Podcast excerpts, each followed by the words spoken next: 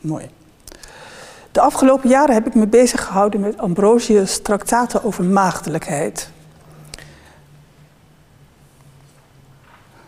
Jullie hebben allemaal die PowerPoint trouwens op de handout. Um, deze beeldenissen van Ambrosius illustreren mooi hoe door de tijd heen de visie op Ambrosius verschilde. Het meest bekend is de min of meer contemporaine afbeelding um, in het mozaïek in het Sant'Ambrogio in Milaan. Die andere twee zijn middeleeuws, nou, min of meer. Ambrosius schreef vier maagdelijkheidstraktaten, twee aan het begin van zijn episcopaat en twee aan het einde.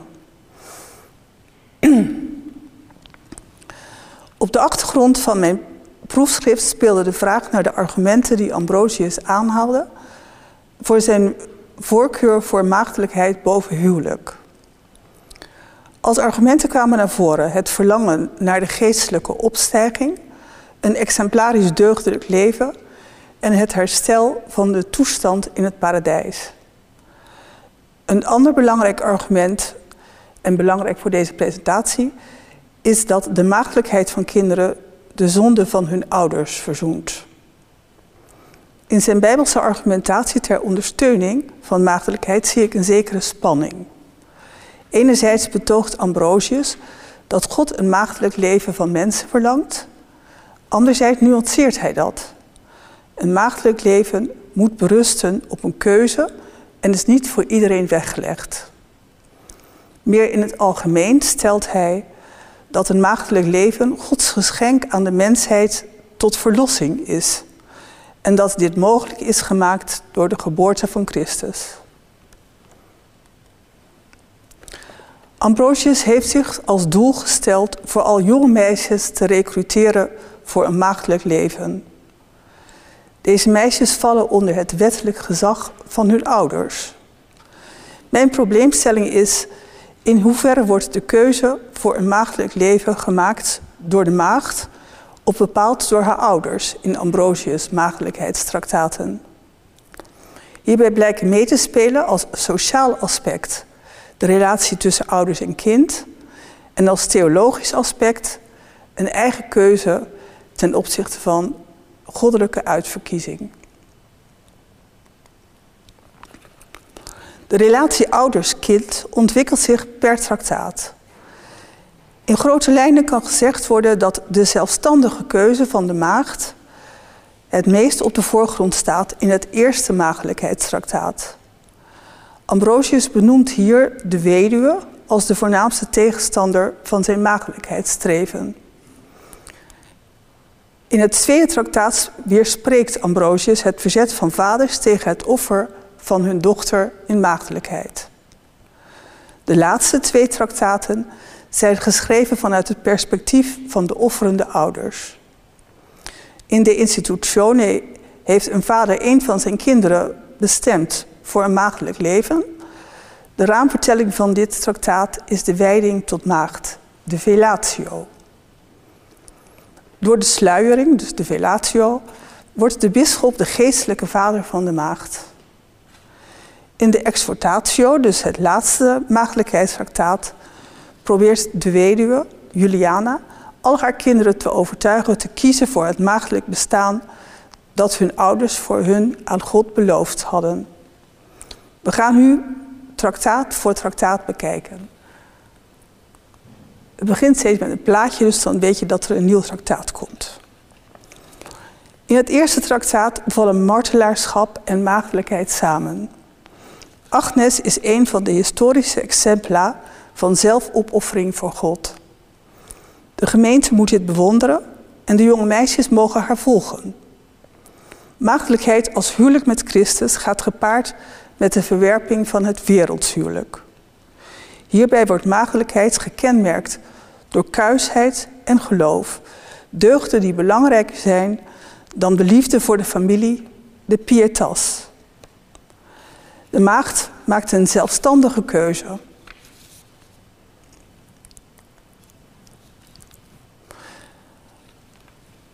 Agnes voelt zich uitverkoren tot een maagdelijk huwelijk met Christus in martelaarschap. Maar in de ontwikkeling van het verhaal kiest ze er ook zelf voor. Ambrosius noemt Maria uitverkoren tot maagdelijke procreatie op grond van haar deugdelijke levenswijze. In een ander contemporain exemplum herinneren de familieleden van het meisje dat op de dag van haar huwelijk een maagdelijke wijding afdwingt, haar aan het verzet van haar overleden vader tegen een dergelijke lotsbestemming. Weer een ander voorbeeld. Pelagia's moeder heeft bewondering voor de dochters die zij heeft geofferd in maagdelijkheid. Een zelfverkozen dood beschermt die maagdelijkheid, zowel van moeder als van dochters. De dochters maagdelijkheid verzoent haar, de moeders zonde. Het tweede maagdelijkheidstractaat, De Virginitate. Abrahams bereidheid tot offeren van Isaac is het voorbeeld van hoe het moet.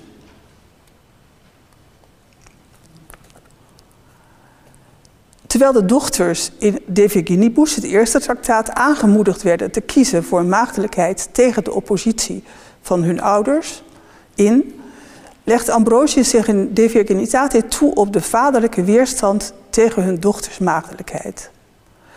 Dit doet hij door ethische aanwijzingen te ontlenen aan de exempla van Jefta en Abraham. En vervolgens door de argumenten van zijn tegenstanders tegen maagdelijkheid te verwerpen. Getuigt Gods toestaan van de dood van Jefta's dochter en het sparen van Isaac van aanzien des persoons? Nee, zegt Ambrosius. Gods oordeel is gebaseerd op verdiensten en deugden. Ouders moeten hun plicht tegenover God stellen boven het welzijn van hun kinderen. En God wil dat zij hun kinderen in maagdelijkheid offeren. Abrahams directe bereidheid tot offeren wordt gesteld tegenover de reactie van Jefta en zijn dochter. Jefta's onwil en zijn dochters verlangen tot uitstel van, haar, van het geofferd worden dus, getuigen van gebrek aan vertrouwen in God met haar dood als gevolg. Abrahams offer daarentegen verwijst naar de ouders die hij. Abrahams offer verwijst naar de ouders die hij aanspoort hun dochters in maagdelijkheid te offeren.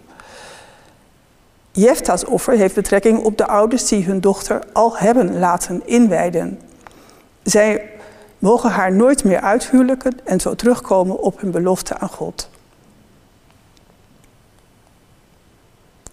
Nu komen we op de weerlegging van de argumenten van de tegenstanders. Die argumenten, die tegenstanders betoogden dat maagdelijkheid iets schandelijks, nieuw en schadelijk was, dus permanente maagdelijkheid. Ambrosius weerlegt dat puntsgewijs. Maagdelijkheid is niet schandelijk, want in hun ongehuwd leven leidden de maagden het leven der engelen. De beloning na de opstanding volgens Matthäus 22, vers 30. De passage Matthäus 19, vers 9 tot 15 laat zien dat een maagdelijk leven niets nieuws is. Christus en de apostelen spraken zich er al voor uit. De zelfverminkende uinigen en de kinderen verwijzen naar de maagden. Op grond van deze passage wordt ook geconcludeerd dat God geen universele maagdelijkheid verlangt. Tot slot wordt maagdelijkheid als schadelijk voor de maatschappij weerlegd. Maagdelijkheid van de dochter als beslissing van de vader komt versterkt terug in de laatste twee maagdelijkheidstraktaten.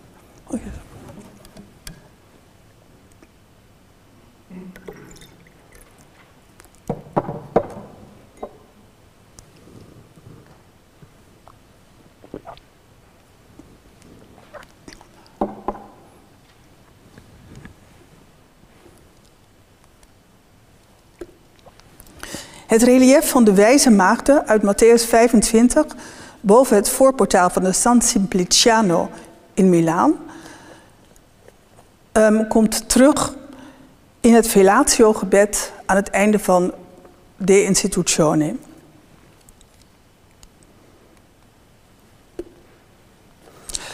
De Velatio van de maagd Ambrosia vormt het raamwerk van De Institutione. Zij was door haar vader bestemd om maagd te worden en werd daarom anders opgevoed dan haar zussen en broers.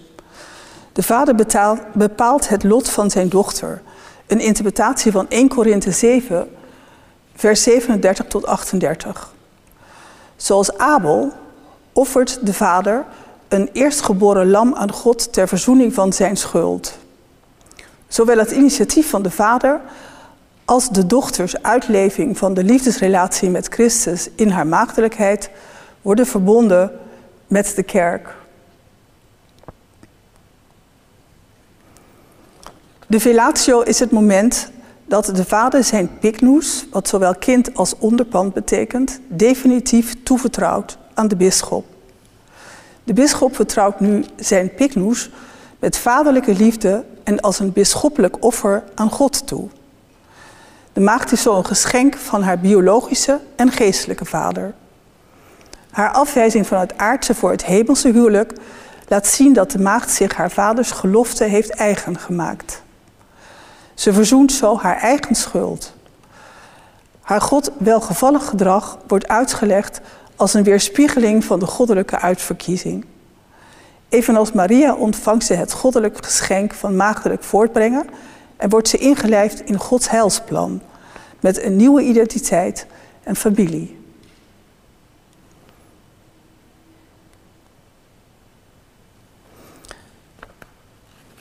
In het laatste boek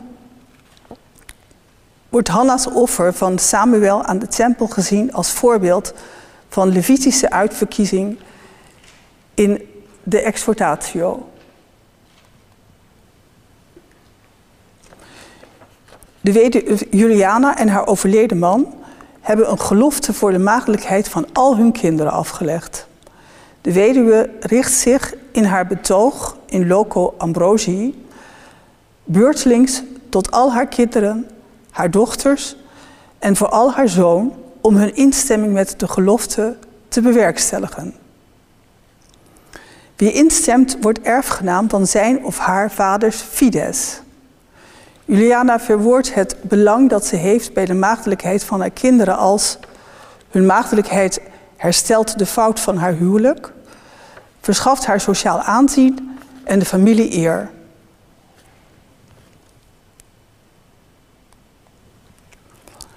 Juliana identificeert zich in haar relatie tot haar zoon met Hanna, de moeder van Samuel. Beiden verlangden naar een zoon die ze al voor de conceptie aan God beloofden. Evenals de Maccabeeënmoeder en Maria kwam Juliana's zwangerschap op bovennatuurlijke manier tot stand. Juliana zegt tot haar zoon dat hij niet geboren is voor zijn ouders of zichzelf, maar voor God. Behalve aan God heeft de zoon ook een schuld aan zijn moeder en Sint Laurens uitstaande. Door bemiddeling van Sint Laurens is hij ontstaan. Juliana verwijst naar de woorden over Jeremia's prenatale uitverkiezing door God als ze over haar zoon spreekt en naar Jefta en zijn dochter. Evenals Jefta's dochter moet de zoon de gelofte van zijn ouders vervullen.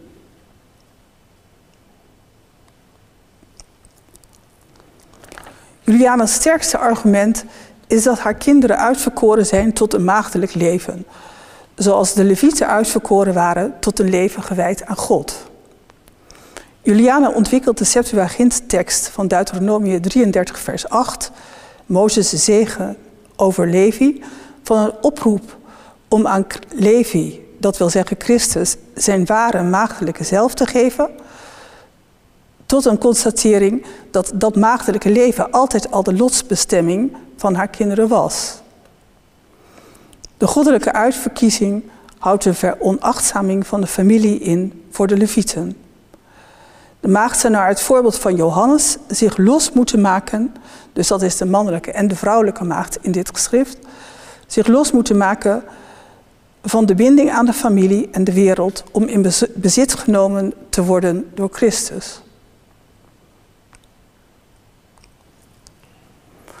Die Levitische uitverkiezing gaat terug naar Mozes' verdeling van het land Canaan. De Levieten kregen toen geen land toebedeeld omdat God hun deel was. Ambrosius beargumenteert dat de Levieten onbezoldigde hemelburgers op aarde waren. Hij breidt de goddelijke uitverkiezing tot dit Levitisch ambt uit naar gewijde vrouwelijke en mannelijke maagden en weduwen. De loting is een middel om Gods wil kenbaar te maken, zoals bij de verdeling van Canaan, maar ook bij de keuze van de apostel Matthias. Bij de beslissing tot een maagdelijk leven speelt het menselijk vertrouwen op God een belangrijke rol. Maar belangrijker is Gods wil.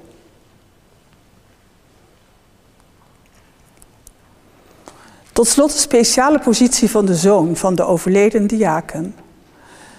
De erfenis van het kerkelijk ambt van de vader roept de zoon, die eerstgeborene wordt genoemd. De officiis verbindt die term via de levieten met diakenen. In de institutione echter wordt ambrosia ook met een dergelijke term aangeduid. De levieten zijn exempla van een uitverkoren, aan God gewijd leven voor in maagdelijkheid geofferde meisjes en jongens.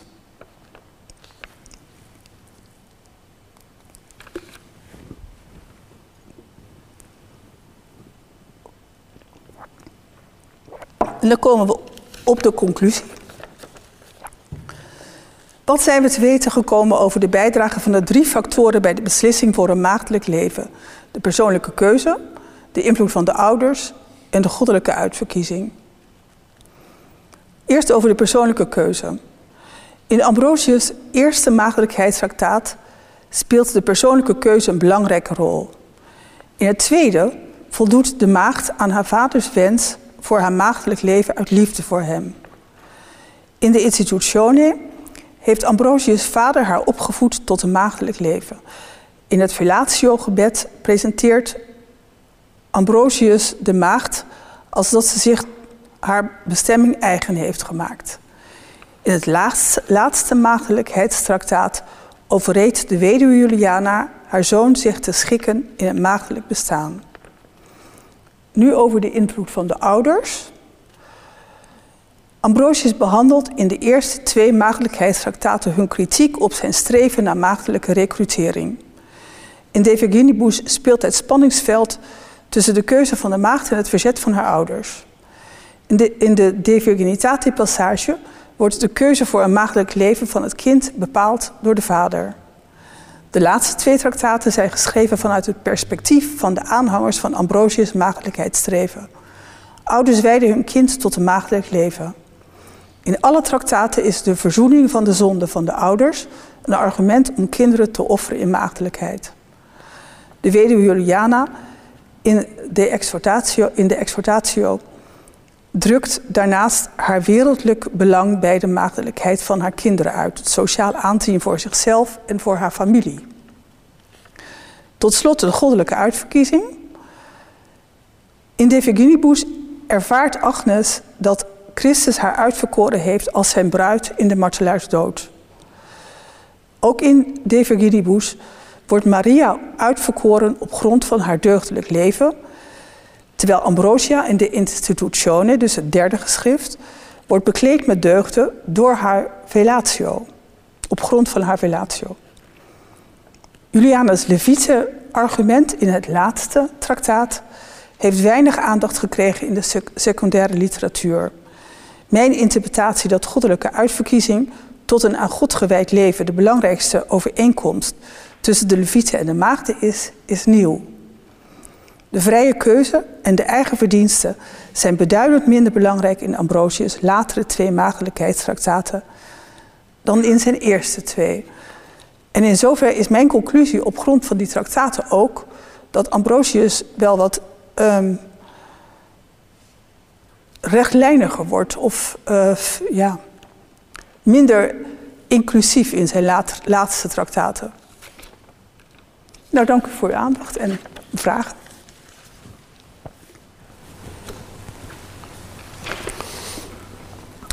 Heel hartelijk dank om te beginnen voor deze ja, ook weer zeer verhelderende voordracht. Je hebt ons echt uh, in een gebied waar je dan toch eigenlijk weinig van weet, of de doorsnee luisteraar weinig van weet, op een hele mooie manier gecoacht, laten zien van welke argumenten er toe doen. Oh, dank je. Ja, en wat dus de doorslag geeft om maag te worden. Ja, ik uh, denk nu onmiddellijk aan het prachtige boek van Gerard Walschap over zuster Virgilia. Dat is ook een heel mooi boek, wat ook uh, in ja, literair prachtig is, maar inhoudelijk ook heel veel diepgang heeft. In het Nederlands geschreven. Mag ik u, uh, die hier zit, uitnodigen? Ja, Marcel Poorthuis, heel graag.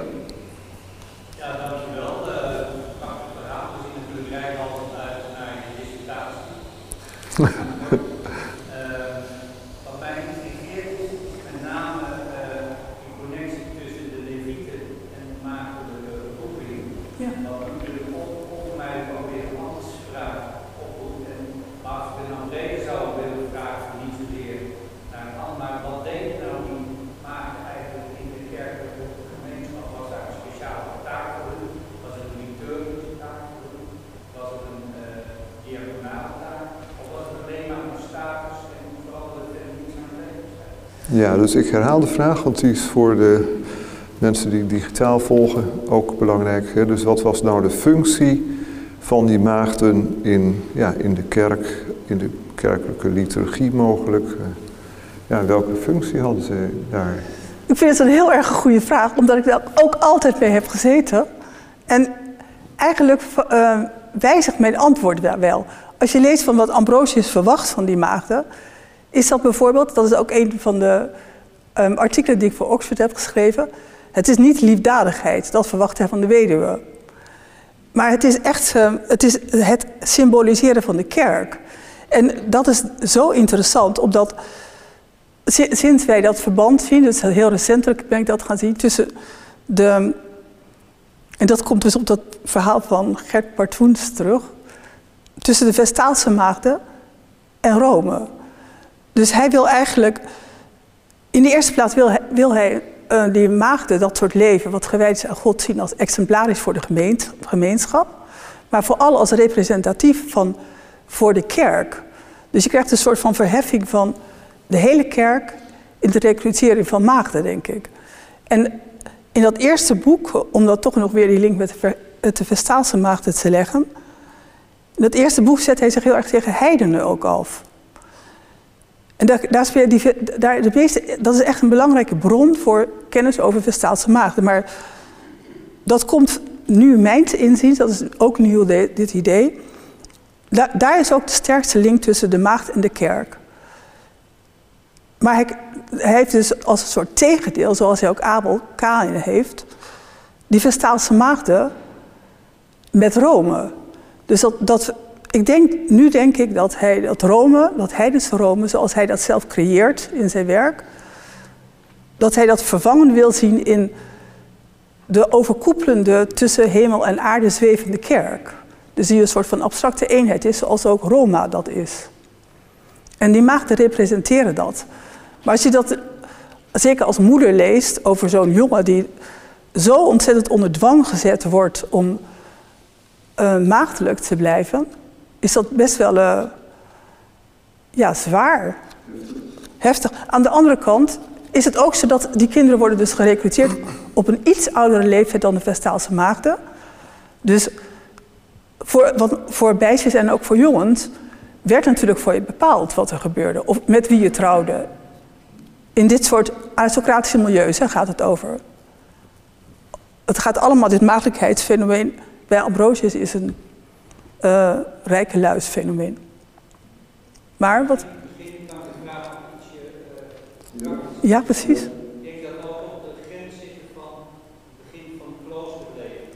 Ja, zij, zij bleven thuis. Ja, Ja, ja, precies.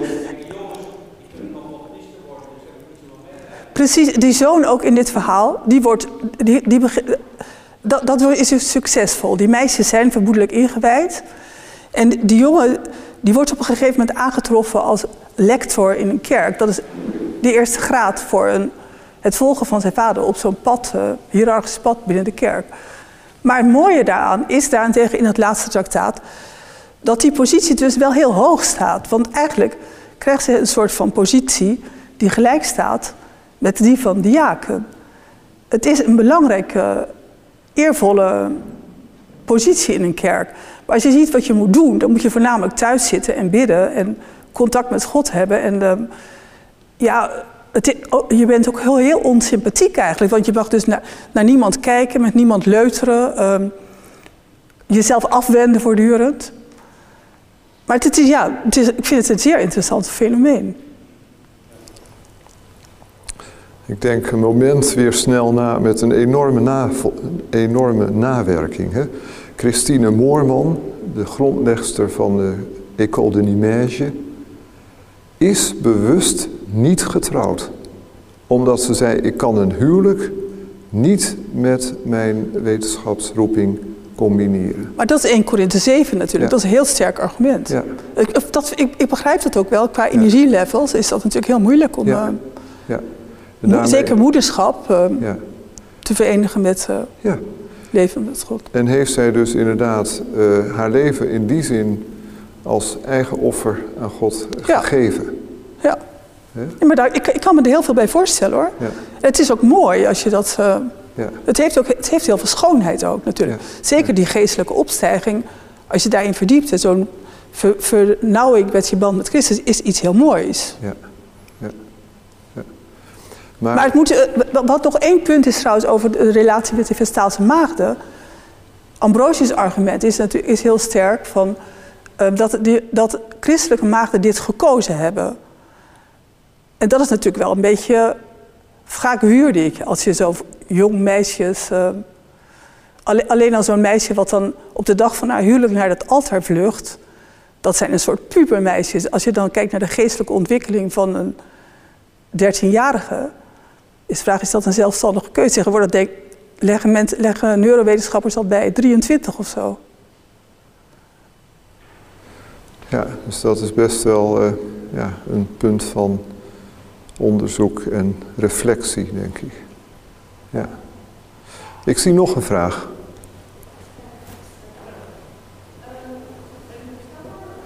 Ik herhaal je vraag. Als ik hem oppik, je mag ook naar voren komen en even in de microfoon spreken. Dat is ook prima.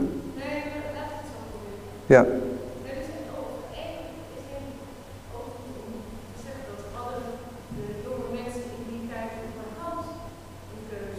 Ja, ja. Helder.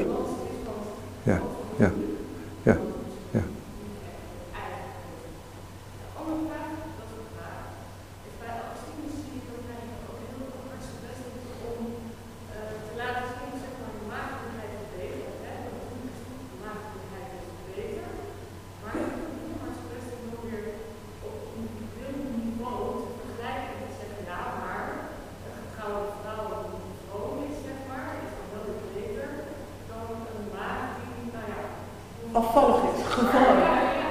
gevallenheid.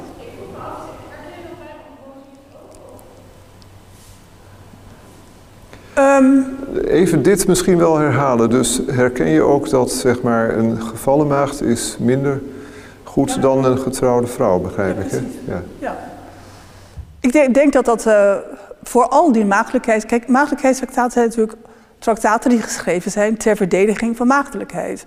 Dus het is ook al zo van Gregorius van Nyssa zegt... Ehm, in dat traktaat. Kijk, over het huwelijk hoef ik geen traktaat te schrijven, want dat is een natuurlijk iets. Dus je moet juist hetgeen wat mens, de mensheid verheft, dat is wat je moet gaan verdedigen. Dus is een, wat Ambrosius zegt over een gevallen maagd, is dat je als maagd een engel bent, maar als gevallen maagd de duivel. Dat zijn natuurlijk hele retorische uitspraken. En het is ook in zoverre uh, zo van, we hadden het de hele tijd over dat Ambrosius zo positief staat in het leven vergeleken met bijvoorbeeld het maagdelijkheidstraktaat van Chrysostomus is heel erg uh, keihard. Echt. Dat is hel en verdoemenis. En zo is Ambrosius niet. Maar bij Ambrosius heb je wel steeds dat gevaar van uh, dat er een afgrond is. Het gaat nu nog goed, maar voor hoe lang nog? Kijk uit, daar zijn de gevaren. En eh, hij, hij, heeft niks tegen het huwelijk. Dat zegt hij ook regelmatig expliciet. En in zoverre lijkt het op, uh, wel op Augustinus, die natuurlijk dat, ook dat zowel over het huwelijk heeft geschreven als over een maagdelijkheidstraktaat. Maar uh, Ja, ik, ik, denk dat is zeker zo. Dus dat bij, bij Ambrosius uh, een gevallen maagd veel erger is dan een getrouwde vrouw. Maar hij wordt wel, ik, ik vind dus wel dat hij negatiever wordt. Jij staat nog. in de laatste maagdelijkheidstractaten. Ja. ja. Ja, dankjewel ook voor het antwoord, het heldere antwoord. En die eerste opmerking herhaal ik dan toch nog even voor iedereen die digitaal meeluistert. Maar hè, dus dat überhaupt de keuzevrijheid in de oudheid een heel andere situatie was dan nu vandaag, op die leeftijd. Ja. Um, ik kijk nog even naar links. Zijn er nog vragen uit uh, België van onze gewaardeerde collega's al daar? Ja, kijk, dat is heel mooi. Jouw lezing is crystal clear in België geland. Ja, ja, ja, ja. En daarmee komen we inderdaad nu op de pauze.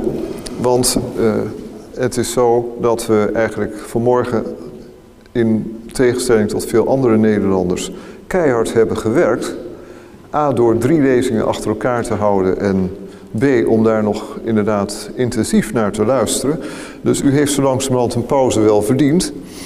En ik gaf al aan, uh, laten we verstandig zijn en bij die pauze nog iets meer de ruimte nemen. Waarom?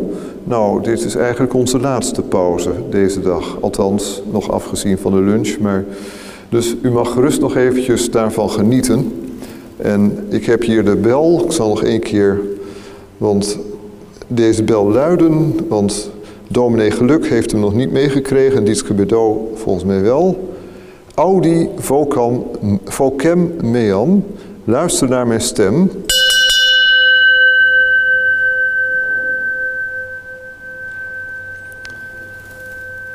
Ik vind het altijd jammer om hem weer neer te zetten, want die nagalm is zo mooi bij zo'n klok. Maar nu is het toch echt pauze. U kunt even lekker de benen strekken en ik ga iets laten horen van Bach. Maar gaat u vooral poseren.